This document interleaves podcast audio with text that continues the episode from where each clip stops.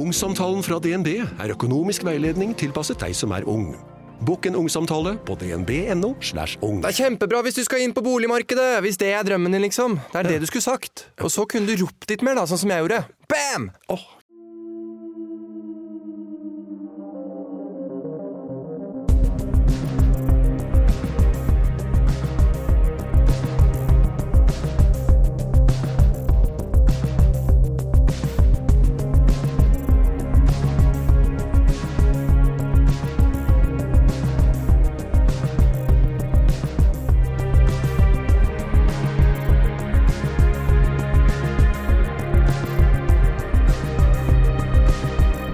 For de som har hørt på denne podkasten her tidligere, så har de jo sannsynligvis fått med seg en karakter som heter Andy. Andy Larsgaard. Eh, han har, eh, jobber jo sammen med Espen Lie, men eh, han har jo òg en del andre historier. Han har levd et interessant liv. Så vi har, og, ja, vi har hørt masse historier fra han, og nå har jeg bedt han om å komme og fortelle en del av de historiene. Men han er en karakter. Det skal han ha. Han er karakter. Nei, men det blir spennende å høre om hva han har bedrevet uh, i sine hine hår. Hvor skal vi starte? År. Skal vi starte i, i årene? Nei, det er kanskje ikke så interessant. Nei, jeg vet ikke om vi skal gjøre det, men vi vil starte med forretningseventyrene hans. Han uh, har, ja, uh, han har uh, laga en golfkølle. Av alle ting. Ja. Den skal vi få høre litt eh, mer om. Og vi som uh, er mer på golfbanen enn på kontoret, vi er jo særdeles interessert i å høre om denne golfkølla. Eventyret. Nei, ærlig talt, jeg har aldri tatt en golfkølle i hele mitt liv, og har ikke noen planer om det heller. Men likevel så gleder jeg meg til å høre det her. Han skulle jo erobre verden med det her. Med et produkt som han hadde stått og laga i garasjen sin. Men jeg tror han heter erobre, Tiger Woods og men du, erobre verden med en golfkølle. en putter. Det kunne kanskje funka for 2000 år siden, men uh, ikke den gang da. God dag, god dag. Andy, Andy. Så kommer det en rolig og behagelig stemme. Oi, oi, oi, oi. Ja, ja, ja. Hva mener rolig og behagelig stemme? Rolig og behagelig. Fortell. Litt kjendis, du. Kjente en på Jernia? fortell en hjernehistorie. Fortell Jernia-historien. Gjerne, ja. Ja. Nei, Det var jo ikke noe spennende. Jo, det var jo det. Du skrøt jo av det så hemningsløst. At, uh, det må jo ha gjort stort inntrykk på deg. Det gjorde inntrykk at folk kan kjenne igjen stemmen din. For du var på Jernia. Jeg var på Jernia og skulle kjøpe en grill, og så Long story short, vi måtte hjelpe til å demontere for å få plass inn i bilen. Så vi snakker sammen et par minutter, og så Du, det må jo være du som er på den podkasten. Du har sånn rolig og behagelig stemme. Og du bekrefta og Jeg bekrefta at det var meg, da. signa autograf. Og... Det var ikke noen autograf, men jeg fikk eh, veldig rabatt. da Du fikk rabatt, Så, ikke sant? Han gikk rett i kassa og begynte da med å regne på rabatter. Så. Hva skjer? Det her skjer jo aldri med meg. Altså, jeg har en tilsvarende, nesten tilsvarende historie. Jeg var på Sørlandet her, skulle tilbake og stoppa på bensinstasjonen på Gjerstad der. Så går jeg inn, så ser jeg at han kikker litt på meg, han i kassa. Og så sier han Du, er ikke du Er ikke du Er ikke du han fra Brennpunkt?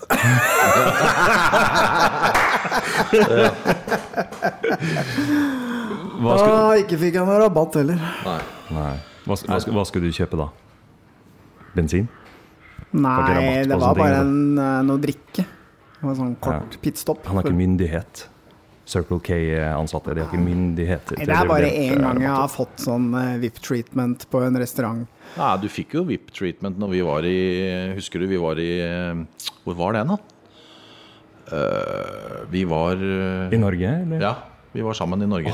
Så kom det plutselig med vafler og kaffe, og det tok helt av. Ja, det var på vei opp til Flå? Nei. Nei, Nei. det var ved, ved, ved Hva heter det der i Sand... Uh, uten, ikke Sand, Svelvik. Svelvik, ja, stemmer det. Da var vi, ble vi behandla bra. Da kommer gutta med nytrukket kaffe. Ja, ja, ja, ja, stemmer det. Ja! Men eneste gangen jeg virkelig har blitt behandla som en sånn A-kjendis på restaurant, at det, det var nede på Søringa der. Ja. Hvor jeg, hvor Kjøp. jeg kommer inn, og hvor det står en fyr der og bare sier Insider! så sto jeg der, og så kom det en eh, annen dude som var sånn medeier, og så ble jeg påspandert drikke. Og så kom alle som jobba der i tur og orden for å hilse på meg, og så, så sier han fyren at ja, hvor vil du sitte? Vil du sitte i åpent? Vil du sitte skjermet? Eneste problemet var vet du, at jeg hadde valgt den restauranten, for jeg skulle ha en litt vanskelig samtale med en dame. Og ville egentlig ikke ha så mye oppmerksomhet om min egen person. Nei. Så det er egentlig det kleineste besøket jeg har vært på om i hele mitt liv. For det var jo ikke noe noen veldig hyggelig samtale. Så jeg gikk ut derfra så tenkte jeg at restauranten her kan jeg aldri gå tilbake til. Og det har jeg ikke gjort det. Du dro ut for å slå opp, og så sto hele betjeninga rundt der og bare se, nå er jeg inside der. Ja, det, det er rart det der med den kjendisfaktorsaken. Altså, jeg, jo, jeg kjenner jo mye folk som er kjendiser, både A, B og C-folk. Både i Norge og andre land. Og når du er liksom ute, og, så får du special treatment, altså. Jeg har en nabo som heter Thomas Gjertsen. Ja. Ikke komikeren Thomas Gjertsen, men interiørsnekkeren Thomas Gjertsen. Han skriver med ikke, eh, altså han skriver ikke Giertsen, men Giertsen med J. Ja. Men uh, når han ringer for å bestille bord på restaurant f.eks., og så hører du at det blir stille i andre enden Det har egentlig eh, alle bordene fulle, men de rydder plass. ikke sant? De, de får inn et ekstra bord. Og det, det, det skjedde. Og han sa ja, vi er øh, selskap på åtte stykk. Og så kommer han til restauranten. Og så ser han presenterer seg. 'Hei, Thomas Giertsen har øh, reservert bord.' Og du ser bare de ansatte. Hva, hva, hva, hva, som skjer? Ja. Og så Han ble liksom konfrontert med at du, du kan ikke si at du er Thomas Giertsen når du reserverer bord. Og så ja, jeg heter jo Thomas Giertsen. Men, ja, men de, de ville at han skulle opplyse at han ikke var kjendisen Thomas Giertsen. Ja. For da, da hadde han ikke fått bord, nemlig. Men det er jo en del sånne svindelsaker De fikk- som vi jobber med. Der, er jo, der har vi også en sånn kjendisnavn som blir brukt hele tida. Det er Will Wilhelmsen. Eh, Alle tror jo da at For de det investerer- skipsrederen og Ja, rikingen. Ja. Vi tror de investerer i skipsrederen Will Wilhelmsen. Ja. Og de som svindler, bruker jo navnet hans bare som en sånn kort setning. Han er jo investor, så da er det trygt. Så det er helt utrolig. Men det er masse, jeg har masse stories på hvordan man blir behandla og ikke behandla i forhold til Men man eh, er hvordan blir du behandla når du ringer og sier at det er en del Arsgaard som ringer? Det er vel VIP treatment med en gang, det er det ikke? Eh, nei, ikke Det er han med golfkølla, er sier er- det er ikke- Ja, ikke sant. Nei, det er ikke, det er ikke noen sånn kjendisfaktor der. Men det er, det er jo måten du snakker med folk på også. Det har veldig mye å si. For er, er du en irriterende fyr på telefon, så blir du gjerne behandla deretter. Hvis du skjønner at du må smoothtalke deg inn i ting, så, og gjør det, så, så får du jo bonus. Men nå prøvde jeg på en sånn eh, litt radiofaglig sterk overgang. Nemlig å si eh, nevne golfkøller. Vi skal snakke om eh, en golfputter. Putter. Ja, det er en gammel historie. Nei, jeg, hadde, jeg spiste lunsj med Andy 13. mars, dagen etter lockdown. Og da fortalte du en litt gøyal historie om en putter. Ja, du spurte meg hva det var, så forklarte jeg deg hva det var. Ja, for jeg hadde googla det, og da dukker det opp eh, en sånn rar sak. En stang med sånn Ser ut som en sånn her eh, Ja, du har jo kalt den Devil Ray. Hvorfor det? Eh, Hvorfor han ble kalt Devil Ray? Fordi at vi altså, Du må nesten begynne fra starten. Jeg begynte å spille starten, golf i 99. Nei, for pokker, hvem er det som kommer?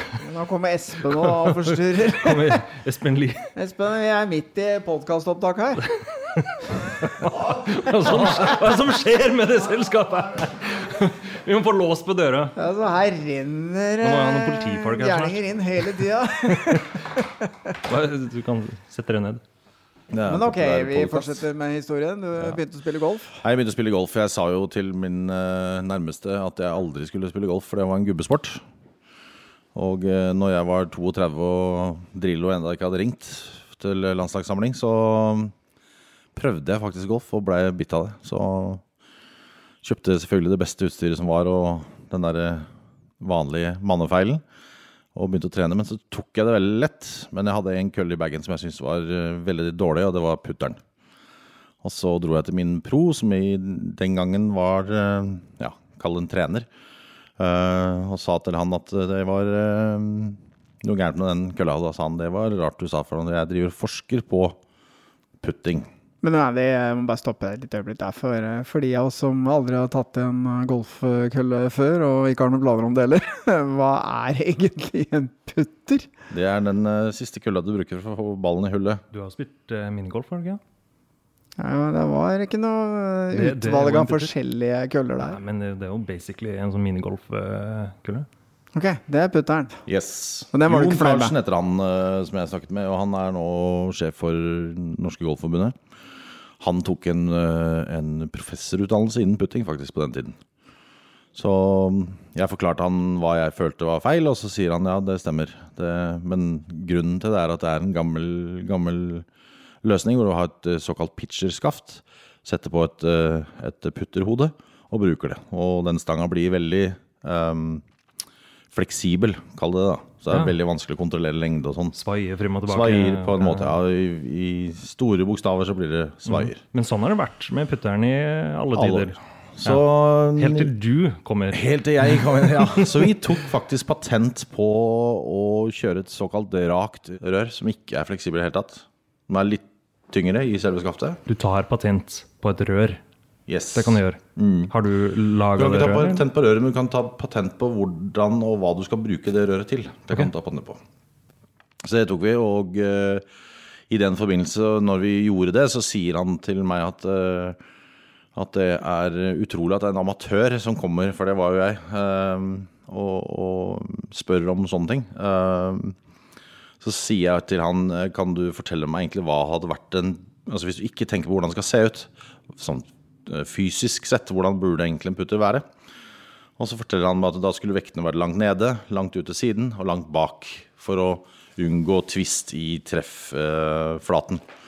Hvis man ikke treffer helt 100 senter. Og det gjør ikke noen, ikke Tiger Woods eller en, vanlig amatør. Og så tegner jeg det på et A4-ark.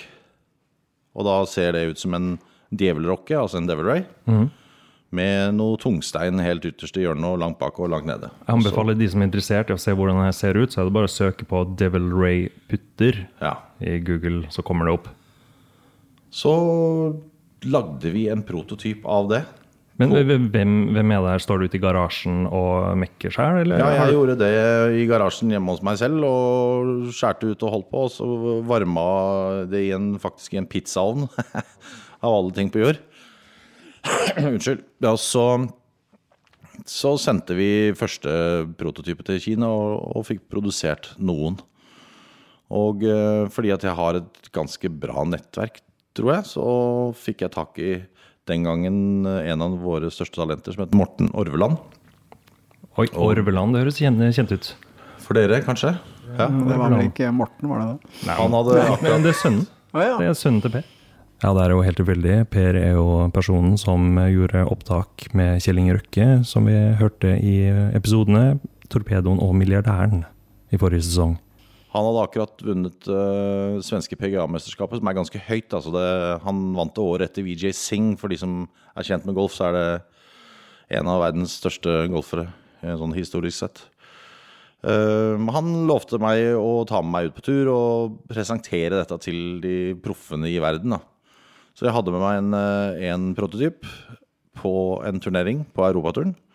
Og Da var det 154 startende, og 108 av spillerne bestilte putteren på stedet. Ok. Yes. Og fikk den levert òg. Nei. Nei. Nå, nå så jeg for meg liksom at dette var eh, begynnelsen på et eh, forretningseventyr. Men eh, hva, hva skjedde? Hva skjedde? Ja, vi har jo det i Norge fra før. Vi har jo en kar som heter Karsten, som, som utvandra til USA og startet et firma som het Ping. Så for de som kjenner golf, så er Ping en av verdens største golfkølleprodusenter. Og han ble jo um, kjent for å lage en veldig bra putter den gangen. Så vi tenkte liksom dette her blir eh, take two. En- Enda en nordmann som kommer ut og lager putteren. Men eh, nei, produksjon eh, og, og levering er to helt forskjellige ting fra å finne på ting og lage noe. Så mm, sånn veldig kort historie så står jeg på ja, Ikke, ikke kort historie, det er, skal- vi må strekke deg ut. Skal bli i hvert fall lang historie. Skal bli lang historie? Så du, du, du, du har vært rundt på messer og forskjellig Nei, ikke, ikke på noen messer. Var på, var på selve Var det stands. På, ikke stands, det var på golfturneringer. Ja. Hvor proffene mm, har sånne såkalte mm, leverandører til stede. da. Altså alt fra Adidas-eid eh, TaylorMade til Callaway og alle de store er til stede. Og så leverer utstyr til gutta mens de spiller. Det kan skje noe med utstyret, de må bytte osv. Og det, det, er en kjempe, det er et kjempesirkus, bare det å være leverandør til Altså utstyrsleverandør på, på disse turneringene. Og der fikk jeg et veldig kjapt innpass. Ble liksom buddies med alle som jobba der, og alle var veldig nysgjerrig på utstyret. Og eh, begynte å tu, altså, tu, være med på turneringer verden over. Helt fra Kina i øst til eh, USA i vest. Både på europaturen og PGA-turen. Var du caddy? Nei, der var jeg ikke caddy. Men du har vært caddy Jeg har vært caddy. Det var, det var for Morten på europaturkvalet i, i eh, Hvor var det nå? Frankrike. Ja. Og i Portugal. Hvordan er det å reise rundt og være caddy for en up and coming golfstjerne? Det er jo bare altså det, er jo, det er mye jobb når du spiller turnering. For du bærer jo en 30 kilos bag og skal passe på psyken til han du går sammen med, og du skal lese vind- og værforhold og, og gresshøyder og fart og retning og Ja, det er, det er ganske mange ting som du må være fryktelig fokusert. Det er ikke noe fest og, og sånn, i hvert fall ikke 24-7. Men du har hjul på den bagen. Hæ? Du har hjul på bagen. Nei, det er ikke lov Nei. som caddy. Der må du bære det fysisk sjøl. Og du må gå, ikke noe kjøring Du må med gå. bil og sånn. Bli tynn. God trening, sier jeg. Ja, nei, jeg var uh, radmanger jeg på den tida der, faktisk. Fader. Så Så du blir sterk og Ja, men men var det her Drev du på med den putteren da, eller? Det her var før? Nei, det var under. Under? Ja, ok. Ja. Så da, da hadde du en plan om, om å få den eh, Devil Rain inn på markedet? Ja. Ja. Hva skjedde så? Jeg husker ikke helt rekkefølgen, men det ble jo til at man ble kjent med alle, alle spillere sånn i, som man ser på TV, som, eh, som vinner turneringer og Ja, beklager. Ehm, og ser egentlig veldig mye hvordan livet bak eh, scenen fungerer, da. Tiger Woods? Tiger Woods, ja. Flere andre store òg. Tuta? Mm. Tuta? Det er damer, det var ikke på dameturnering. Det vil si, jeg var på en eh, dameturnering, men der var ikke hun. Nei. Så det nærmeste jeg har vært tuta, var på en eh, sånn show-off-visning på Bogstad i, i Oslo. Men da var ikke vi klar med noe Devil Ray. Skal du ta telefonen? Nei. Ringer opp igjen. Jeg kan slå av lyden. Det er sånn knapp som er funnet på sida av telefonen her. Så det går an å slå av lyden. Du har sånn uh, utrolig irriterende Du har liksom valgt den mest irriterende ringelyden. Sånn kjempehøyt. Ja, det kommer sikkert av at jeg har passert 50 år. Og det er er, gammelmannslyden ja, det er gammelmannslyden. Ja. Ok, fortsett. Med hva? Du blir- Å, er jeg her? Du ble kjent med så mange spennende personer. Ja, nei, det var eh, ja, Det, det spennende, mest spennende med hele greia var jo egentlig å se hvor raskt man kunne komme inn i, i miljøet. Um, men det er en helt annen verden å gå ifra å være i miljøet til å faktisk eh, produsere et produkt som selges i pro-shopper verden over. Det er en helt annen greie. Så du kan si at jeg gjorde både rett og galt. Jeg åpna jo markedet virkelig. Den kom jo på TV med en gang. Den blei jo vist på, på tur, for det var en av spillerne som tok faktisk prototypen og brukte den på turnering i Portugal. Eh, Så den kom jo på TV med en gang og blei liksom en snakkis blant, eh, blant eh, journalister og sånn med en gang. Men ok, du hadde funnet opp en ny putter. Og fått til dels litt innpass i eh, det profesjonelle golfmiljøet. Til og med fått en profesjonell golfspiller til å bruke den. Det høres ut som meg da som uh, verden lå for dine føtter. Det var egentlig helt unheard of. Altså det, det, det var en samlinger med profesjonelle spillere som du altså Du ville ikke tro at det var mulig. Det er akkurat som det kom noe helt, helt eh, altså Det var som å gå til glassfiberski fra treski, egentlig. Altså Så stor endring var det. og Proffene står liksom lina i kø for å skrive ned navn og adresse, og, altså hjemmeadressen til seg selv, kontaktinformasjon og sånn, for hvor de ville ha putteren sendt. da. Eh, Noen av de hadde jo managere som tok imot, andre ville ha det levert på turneringer hvis de visste at de skulle spille turnering, men også veldig mange ville ha den levert hjemme. Så eh, ja, hjemme på kontoret så var stemninga relativt høy. Hvordan visste du at den putteren var så bra? Nei, den hadde vi testa på, på toppidrettssenteret på idrettshøyskolen i, i Oslo, oppe ved Sognsvann. Eh, kjørt eh, mer enn én million putter, faktisk. eh, mot Oi. absolutt alt som var av andre putter i verden. Og med Så da står det en person og slår en Nei, million det var en ganger? robot som gjorde. En robot. Ja. Ja. Og en robot kan du justere sånn at den treffer akkurat på samme sted hver gang. Eller du kan også si at nå skal du treffe så og så mange millimeter skeivt, Og, så videre, så får du et resultat ut av det. Både på korte og lange putter. Og, og den putteren var i en helt annen verden. Altså en presisjon som ikke var eh, sammenlignbar med noe annet. Så, og det merka jo proffene med en gang de testa den også, for de er gode. Det er, det er titusenvis tall av timer hvor de får respons fra et utstyr som ikke er helt på stell, til å virkelig Fader, dette er det jeg har prøvd på. Og så går det rett inn, ikke sant. Så vi Med den prototypen så fikk vi plutselig en kar som klatra veldig høyt på, på, øh, på lista, som aldri har vært liksom av de beste i verden. Men sånn Han er med, men havner gjerne Misser cutten, som det heter. Etter to dager så går jo halve feltet bort.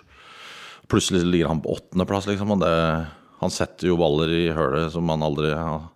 Og kameraet kommer på han. Og, så det var, det var veldig sånn eh, Seeing is believing er noe som heter, men for oss så var det en sånn der bekreftelse på at uh, selv de verste gutta her nå kommer til Dette blir jo nesten for lett, ikke sant? Og da tenkte du at nå, eh, Nå. det her går veien. Nå, dette går veldig veien. veien. Så, og de så jo på meg, proffene, for jeg demonstrerte jo dette her. Og de så jo på meg som den største putteguruen i verden. Altså De ba om hjelp og Men var du nå eh, fremdeles caddien og, og gikk med bagen? da. Og nå sto du med dress eh, bak der Jeg og står med en bag på, på turneringen, på, på prøvegrina, som det heter. da Ja.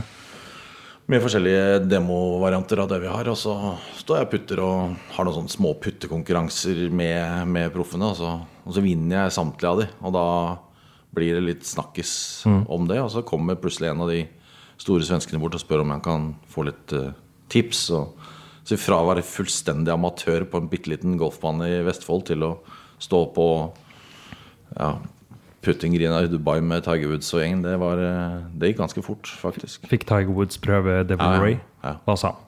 Han syntes det var helt fantastisk. Hva sa han, spurte han. It's just great. It's just great. Unbelievable.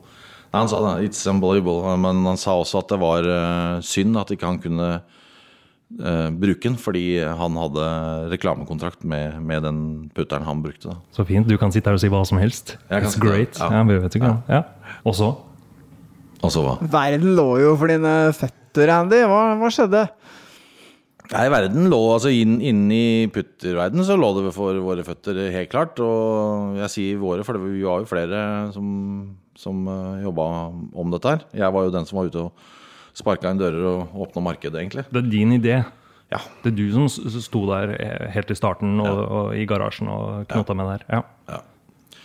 Eh, Så hadde vi jo da starta som sagt en, en produksjon. Vi skulle levere ut alle disse putterne som vi hadde fått på, én en turnering, og flere andre etterpå.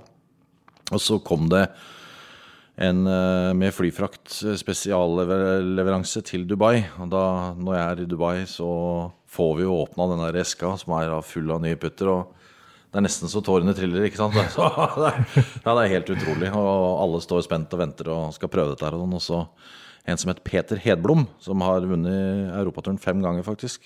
Veldig god, men dritdårlig på opputting. Han er den første som får den. Og han går ut på opputtinggrina. Da står han, jeg og Tiger med masse kamera på oss, ikke sant. Og jeg er så stolt for øyeblikket i seg sjøl. Hele verden ser på. Ja, hele verden ser på oss, liksom. Også. This is it. Jeg tenkte, Ja, når det er slaget der kommer nå, vanvittig bra. Altså det, kommer bestillingene her, jeg, kan, jeg, kan ikke, jeg kan ikke forklare egentlig følelsen engang. For det var sånn Du vet at dette her går veien, men det skal, nå skal du bare, bare liksom se det. Og du får se det på TV, på, på, eh, på sportskanaler over hele verden. Og folk sitter liksom klistra til skjermen og skal se på Tiger Woods, selvfølgelig. Men pluss den rare greia som han ene holder i hånda. da og så fra, fra, altså fra, fra suksess til fiasko er det veldig kort, det har jeg hørt før. Og det fikk jeg oppleve der og da, for da detter faktisk det putterhodet av skaftet. for det er en eller annen kinamann som har tenkt at hm, vi trenger ikke bruke så mye lim. så dette er da live på TV. Og han som er da Hva, hva gjør du da? Nei, jeg er, jeg er ganske hardhuda sånn. Men eh, Jon Carlsen, som er da han som i dag er eh, sjef for Golfforbundet, han og jeg gjorde dette sammen. Han leita fysisk etter en spade for å grave seg ned. Altså, det var helt ja, på grina der. Men, men, Han, det var helt vilt. Han gikk i bilen og satte seg for å sove. For, for han, han, han slukka lyset. Med et rør fra eksosanlegget. altså, ja, ja det, var, det er det verste. Jeg tror, for han så var det dramatisk. Og Peter kommer rett bort til meg og kjefter på meg. ikke sant? Hva faen hender nå, da? Det her kan du ikke gjøre. Kolla, sier han, og så ser han på TV-kameraene rundt. ikke sant? Det, det går jo ikke. Så så sier jeg det er jo ikke min feil. Det er jo en produsent som har eh, limt feil. Men jeg skal finne en, en buss, altså en av disse utstyrsbussene, og så får jeg, får jeg de til å lime det nå. Så jeg snur han, og så bare ser på meg, og så sier han Men nå er det for sent, sier han bare. Så da jeg gikk derfra, så var det med blanda følelser. Det var eh, liksom Jeg hadde, jeg hadde greid hele Var liksom på oppkanten. Og så blåste det feil vei. Hva sa Tiger Woods? Jeg tror ikke han så det engang. Men jeg sto på do bare fem minutter etterpå jeg måtte pisse. Sikker på at du ikke grein? Ja, jeg grein ikke. Det gjorde jeg ikke. Men, eh, men eh, det er klart det, det blei et par telefoner, ja, noen varme telefoner. Det ble det. Og så står jeg på toalettet, og da kommer Tiger inn, så vi står ved siden av hverandre. Og Inn på do. ja, Ja. og da sier ikke han noe om det. Liksom bare, han bare snakker om været og vær og vind og helt normale ting, liksom.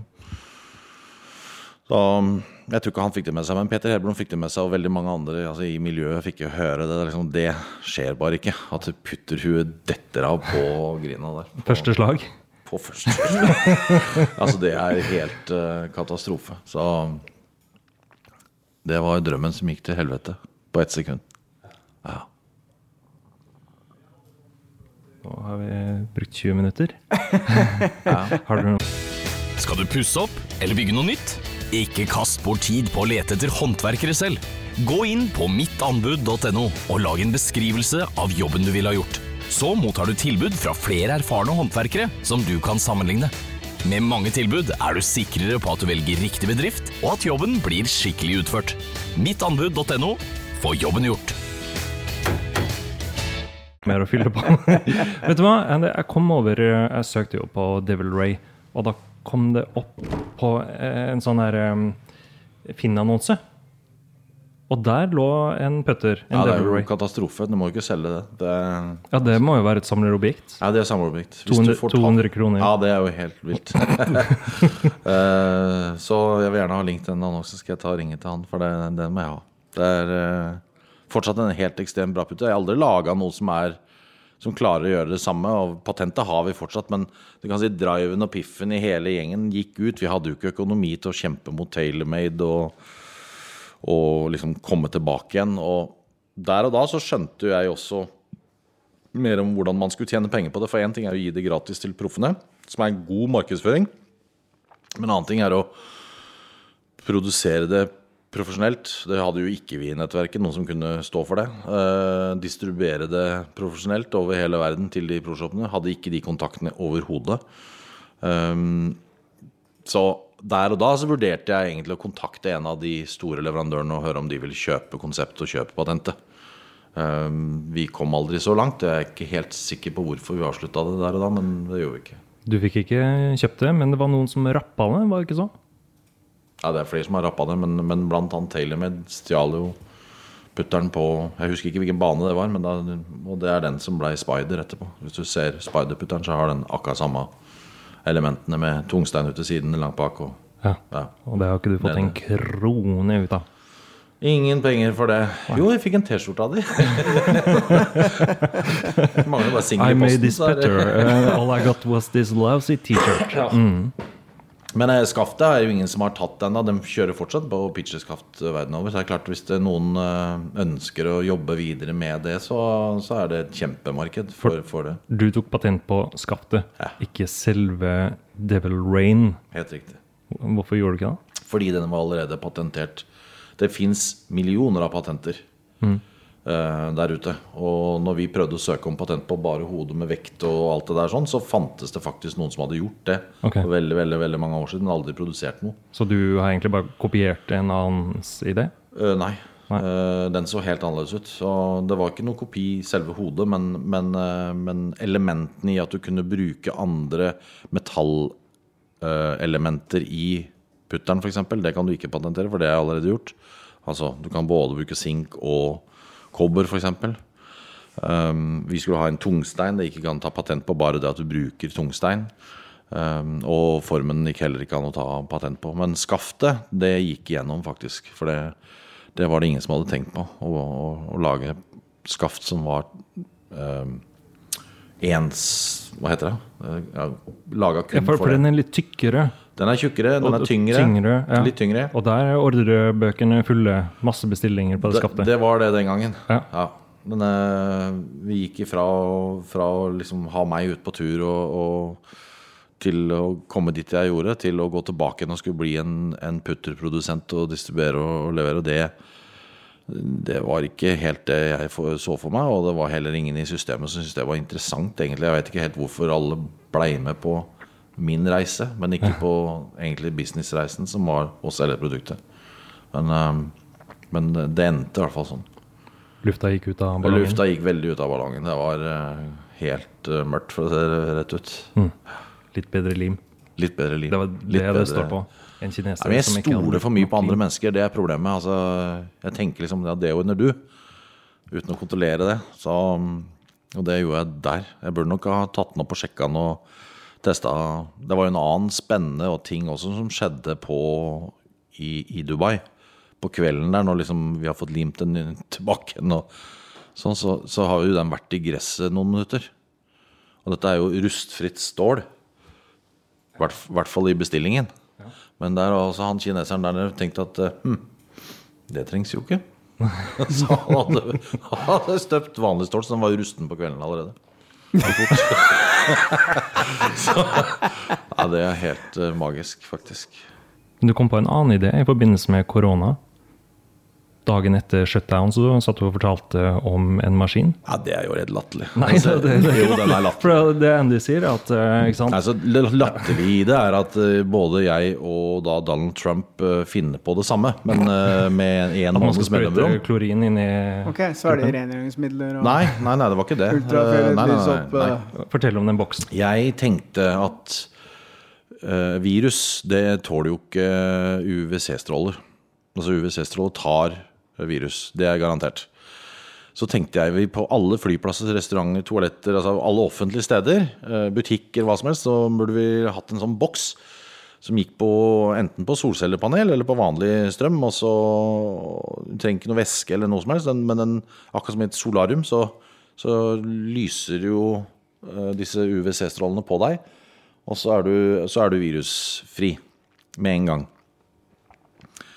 Og ideen i seg selv kom opp fordi at eh, EU stilte til rådighet halvannen million euro, milliard euro, unnskyld, til folk som kunne finne på ting som stagnerte eller stoppa viruset. Og da var du på med en gang. Da var jeg på med en gang. Og så sitter en fyr og sier til meg «Du, hva kan vi gjøre da? Så kommer jeg med fem-seks eh, ideer. og det er alltid sånn at fem av de er fryktelig dårlige, og så er det en som er veldig bra. Da. Og den her den tenkte jeg ja, det, det var jo veldig bra og veldig lett. Hvorfor har ikke noen gjort det før?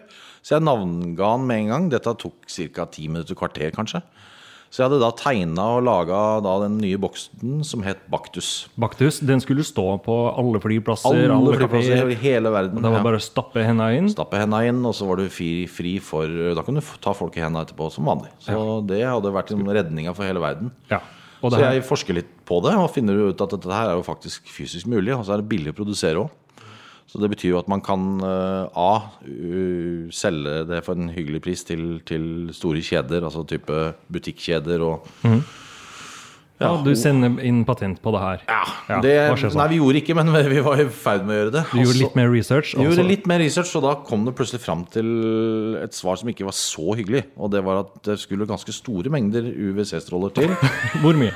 Nei, det var mye. Og så når man da putta henda inn, og hvis man ikke var kjapp med å ta dem ut igjen, så hadde du jo bare skjelettet igjen. Men da er jo garantert virusfri, da. Da er du virusfri. Men uh, du ser jo ut som en sånn uh, Sånn som på, på legekontoret. Sånn, tom for hud og, og kjøtt. Når kommer den på markedet? Så det, når kommer den på markedet? Ja, så, så jeg skjønte jo det der og da, at det var jo var en artig idé.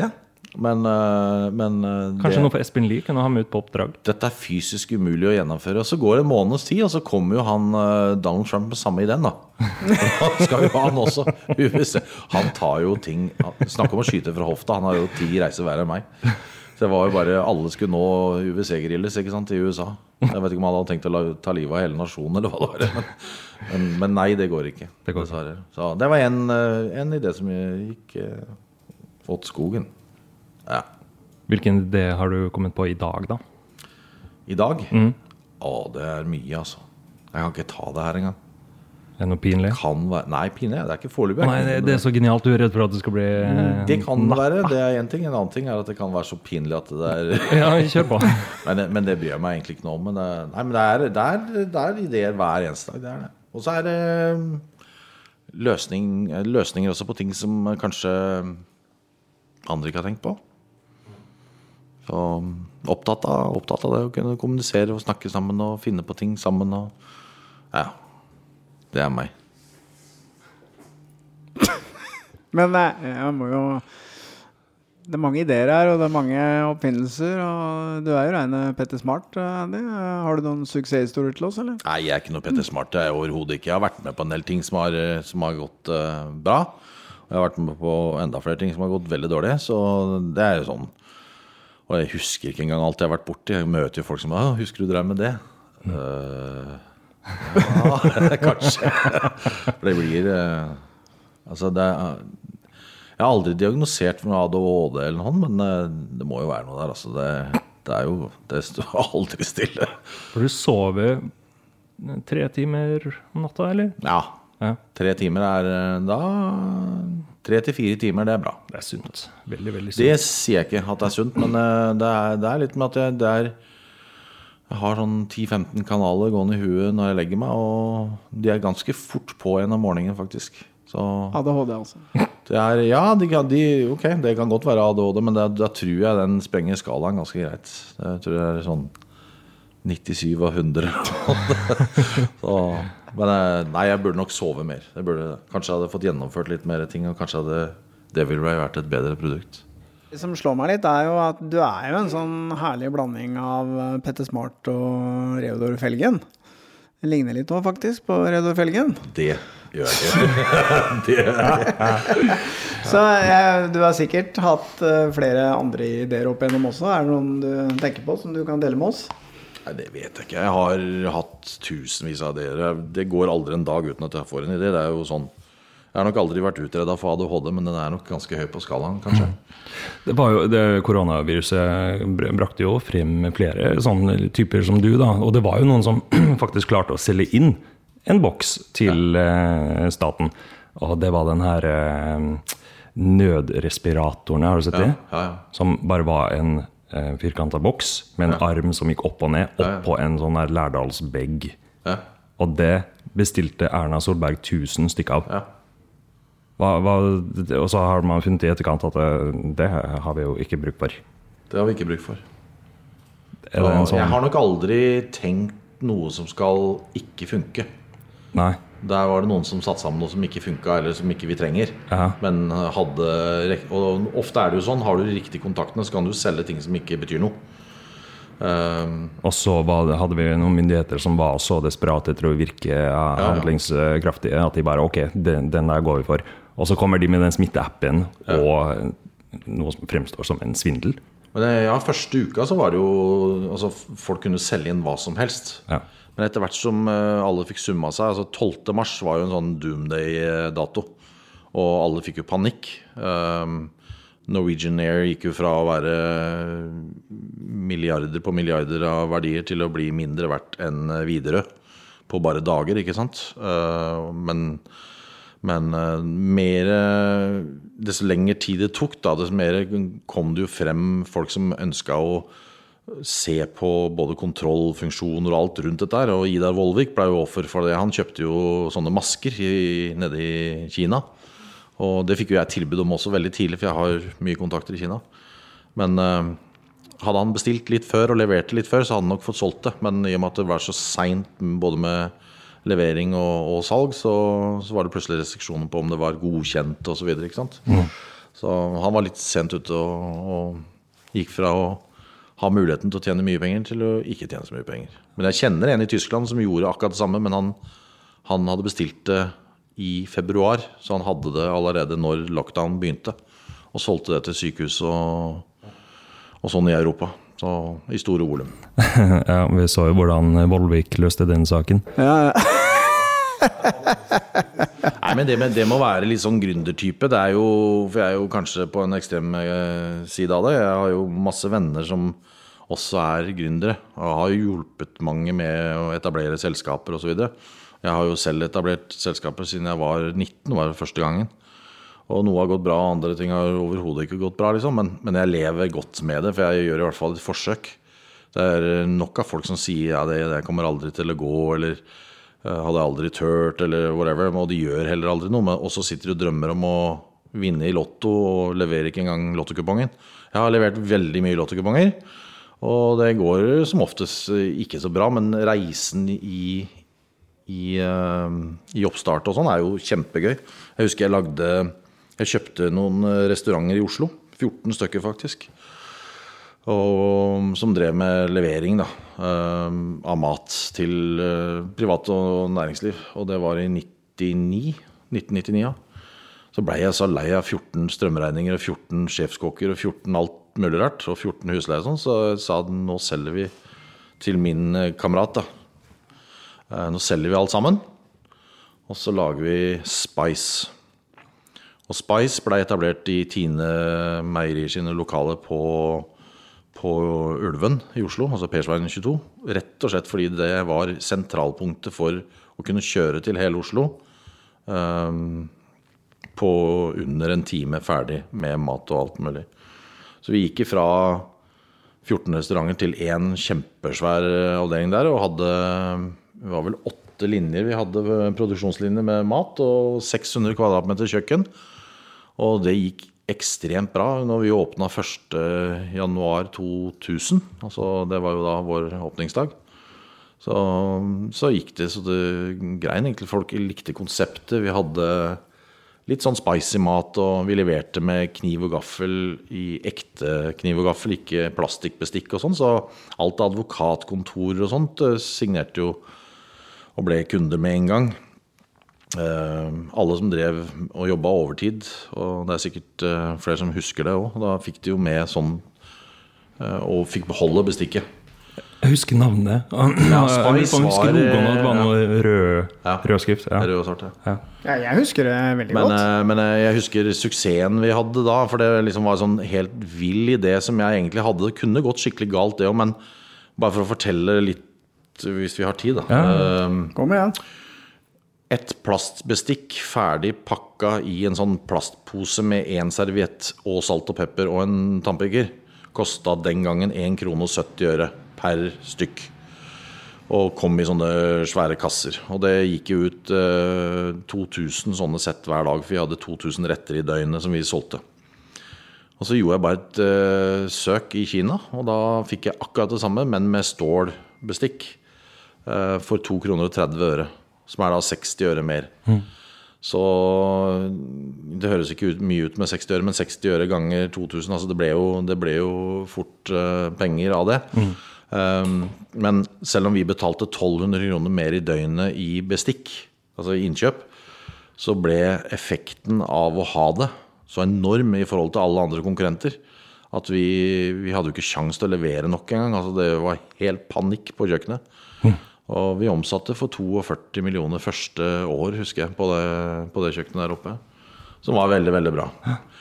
Eh, det som ødela Spice, var vel eh, Og det ødela mange andre bedrifter men det er en unnskyldning som jeg liker å si til meg sjøl, bare sånn for ikke føle meg veldig dårlig, for det var egentlig et kjempebra konsept. Det var eh, september 11. Ok. Ja. For eh, det var i, det var i, i september, da, i, i i 20, 2001. Mm. Og vi satt på kontoret og så på disse tårna som ramla ned i hvert fall i 14 dager, tenker jeg. Eh, hver dag på CNN og det som var tilgjengelig den gangen. Eh, og var helt vantro liksom, at, det, at det helt kunne være noe sånt som skjedde med verden. Og jeg hadde jo vært der mye sjøl, både meg og min kollega Frank som var med meg på den tida, han, han og jeg kjente jo gaten ut og inn der. ikke sant? Og vi satt og diskuterte og nærmest gråt. ikke sant? Samtidig som det ringer inn folk på uh, sentralbordet vårt. uh, og forteller at uh, de må kutte avtalen fordi de har ikke noe mer leveranser til SAS f.eks. Uh, og så underleverandører av de igjen ringte inn og sa ikke sant? Så vi gikk fra 42 til 21 millioner i omsetning over natta. Men med samme stab, samme husleie og Ja. Og jeg brukte altfor lang tid til å, reagere på å permittere og, og sånn, så vi sleit økonomisk eh, allerede rundt nyttår veldig. Og måtte få inn eh, investorer for å helt tatt overleve. Og slo selskapet konkurs, jeg mener det var våren 2002. Og etablerte på nytt igjen, da. Men du, du sier at du starta opp igjen, men så Ja, Da trakk jeg meg ut, for det kom inn en ganske tung investor fra Vestlandet eh, som var i matbransjen. Og de hadde en plan på å, å bygge det opp på en helt annen måte enn det jeg ville. Og så flippe det til eh, Norgesgruppen eller noen annet. da. Men, Ja, eh, du det- solgte det ut. Ja. Ja, og det, For det var jo vel egentlig planen med den Devil Ray-putteren òg. Du skulle bygge opp et selskap, og så øh, selge det. Ja, jeg, jeg, jeg trodde nok aldri at Devil Ray kunne bli en sånn at jeg kunne lage noe puttere på stua og, og selge ut i bulk. Altså, golfmarkedet er jo veldig ofte gjennom pro-shopper, som det heter. da. Altså butikkene som er på banene. Og det er så mange hundre tusen golfbaner at du må ha det distribusjonsnettverket. Du må ha liksom et apparat rundt det, og det, det er jo mange som allerede har. Så så vel for oss at en av de store, Ping eller TaylorMade eller Callaway eller en av de skulle kjøpe produktet og, og ta det inn i sin egen portefølje. Ja, for, at, for, for din del personlig så er det ikke så viktig å liksom, ha det tette eierskapet til de tinga du finner opp. Nei. Nei. Du selger det gjerne til høystbydende. Ja, og det er moro å se bare at det blir bygd. Altså, men jeg må ikke bo i det huset selv om jeg har bygd det. Så det er litt der. Men hva er det neste store gründerprosjektet da, Andy? Ja, nå holder jeg på med et fryktelig spennende sak som eh, litt pga. koronaen. eh, Eller det er pga. koronaen. Så det får jeg heller komme tilbake til når det er eh, Når det, når det, Når det har gått konkurs, så kan du fortelle når det har historien. konkurs eller, eller kapitalisert seg. Ja. Nei, men ideen i seg sjøl er kjempebra. og Det er sånn, veldig mange av ideene er sånn Hvorfor har ingen tenkt på det før?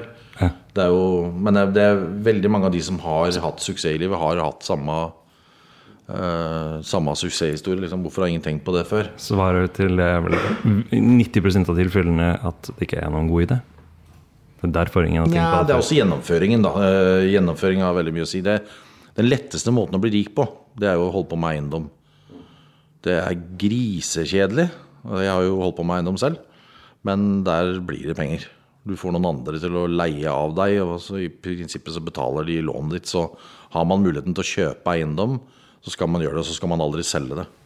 Ikke sant? Um, Jeg bygde jo opp noe på 90-tallet som, som ble pengemaskin, men uh, fytte grisen så kjedelig. Fly rundt og passe på snekker og murer og alt det der greiene der. Det, det passa ikke meg i hele tatt. Så, men, men, eh, men den enkleste veien til å bli rik er, er nok eiendom. Det er den tryggeste også. Det er, det er den retninga banken din smiler mest til deg hvis du ja, kommer på besøk og ber om et lån. Da Da har du fast eiendom å ta pant i. Hvis du kommer med et prosjekt til bank, så sliter du.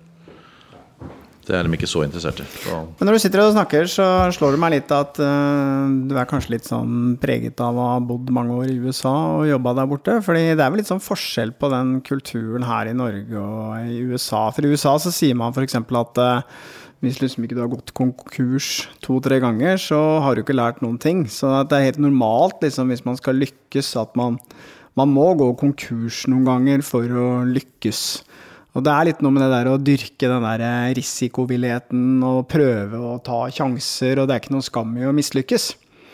Men her i Norge så er det jo nesten litt sånn stikk motsatt. Hvis man tar en sjanse og går konkurs, så blir du nesten eh, sett på som eh, ja, ikke sant? Det er Kriminell, nekket, så nesten ja. som kriminell. Å ja, du konkurs, ja. Men det ligger nok i folkesjela vår. Vi har noe som heter janteloven, og den eksisterer faktisk. For når jeg bodde i USA, så var det sånn når jeg kom med en idé, så var Wow, you're smart. Wow, could it be part of it? Ikke sant? Det var med en gang. Mens i Norge Hvorfor det? Tror du du er noe bedre enn meg, eller? Ja. Ikke sant? Det, du det, Det, kommer aldri til er ikke noe smartere enn meg, du, vet du. Nei. Så det kommer aldri til å gå. Nei. Så det er jo forskjellen. Og det er, det er fryktelig stor forskjell faktisk sånn mentalt på Det har du rett i. På når du kommer med ideer. For det, amerikanere er, jeg, jeg pleide å sammenligne det med en bøtte med krabber. I Norge så har du liksom åtte krabber oppi en bøtte. Og hvis én av de prøver å komme ut, så er det jo syv andre som prøver å dra deg ned, sånn at ikke du kan finne på noe. ikke sant? Mens i USA så vil jo de krabbene dytte deg ut derfra og håpe at de også kan få frihet, de òg. Så det er kjempe, kjempestor forskjell. Men vi har jo et nettverk her som er svært unikt i verdenssammenheng, som heter Nav. Så du trenger egentlig ikke her hjemme. Mens amerikanerne og, og mange andre land, de trenger. De trenger å finne på ting sjøl. De har ikke den derre fallskjermen som, som vi har. Det er jo ikke noe panikk i Norge på pandemien. Det er surmuling for at de ikke kan reise på ferie til Spania. Så nå jo halve landet er på campingplasser og fighter om sånne engangsgriller og, og, og nye grilldresser. Men, eh, mens, eh, mens andre land eh, har en helt annen holdning til det. De får ikke penger. Jeg har venner i mange land som, som sliter som fy, altså. Og det er tilbake til å så gulrøtter i hagen og bytte med naboen som har sådd tomater. Men Andy, hvis, øh, hvis det er noen der som hører på nå, som tenker at de har noen gode ideer og ønsker å være litt kreativ og skape noe for seg selv, så kanskje du har noen eh, gode råd du kan dele med dem? Basert på all den erfaringen du har med å Ja, bygge opp business? Sikkert en gammel, god klisjé. Tro på deg selv, ikke hør på alle som sier nei. Det er klart, Hvis du skal lage en stige som går til månen, og det er det eneste ideen du har, så, så er det kanskje litt voldsomt. Men, men alt av ideer skal fram, og det skal gjennomgås skikkelig. Og helst skal det være positive gründere du snakker med, og ikke, ikke en sur partner som du har hjemme, som helst vil at du skal finne deg en jobb på Rema 1000 istedenfor å bruke huet, liksom. Så, eh, og det er ikke feil å feile, men det er veldig feil å ikke prøve. Gjennomfør drømmene dine. Ikke hør på andre. At det går ikke, og så videre. Dere har hørt det tusen ganger før, men gjør det. Just do it. Så så rapper hun Nike sitt eh, Ja. Hallo. Jeg er fem minutter for seint ute. Jeg må i et møte. Klokka. Nå? Nå, ja. Du er fem minutter for seint allerede. Du skal sitte og Du er beste du vet. Jeg sitter og Eh, prater. Espen, vi bare har litt grann igjen av den podkasten. Ja, men hallo. Bli ferdig, da.